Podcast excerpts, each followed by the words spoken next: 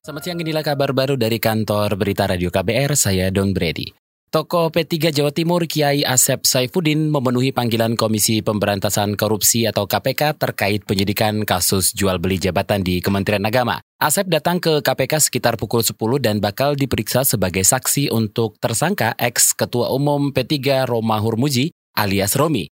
Asep sebelumnya disebut Romi sebagai salah satu pihak yang merekomendasikan nama Haris Hasanuddin untuk menduduki jabatan Kakanwil Kemenak Jawa Timur. Asep membantah pernyataan Romi. Saya juga tidak tahu untuk apa kan cuma diundang. Nanti setelah ditanyai dalam undangan itu baru saya menyampaikan. Ya, kemarin sudah saya sampaikan dalam uh, pertanyaan-pertanyaan wartawan bahwa dia dulu ketika di mahasiswa mungkin 20 tahun yang lalu dia pernah setiap pagi belajar mengaji ke saya.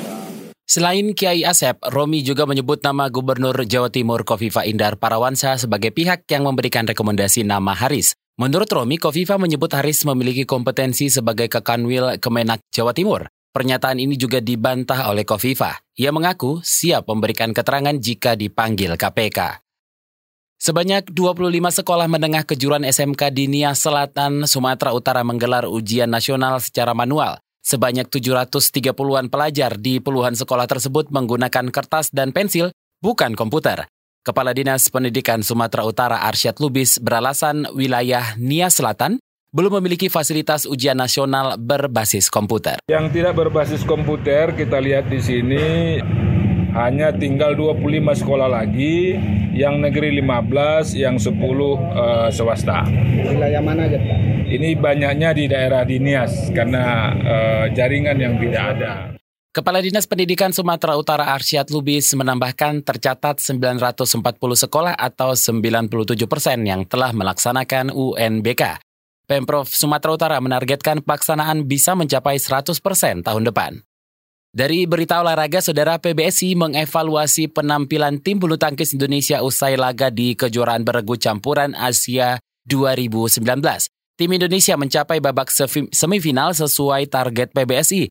Namun manajer tim Indonesia Susi Susanti menyoroti penampilan beberapa pemain yang masih dinilai kurang maksimal. Menurutnya banyak pemain yang kerap kehilangan fokus saat bermain. Selain itu, daya tahan dan pola main perlu ditingkatkan, selain masalah non-teknis perlu diwaspadai.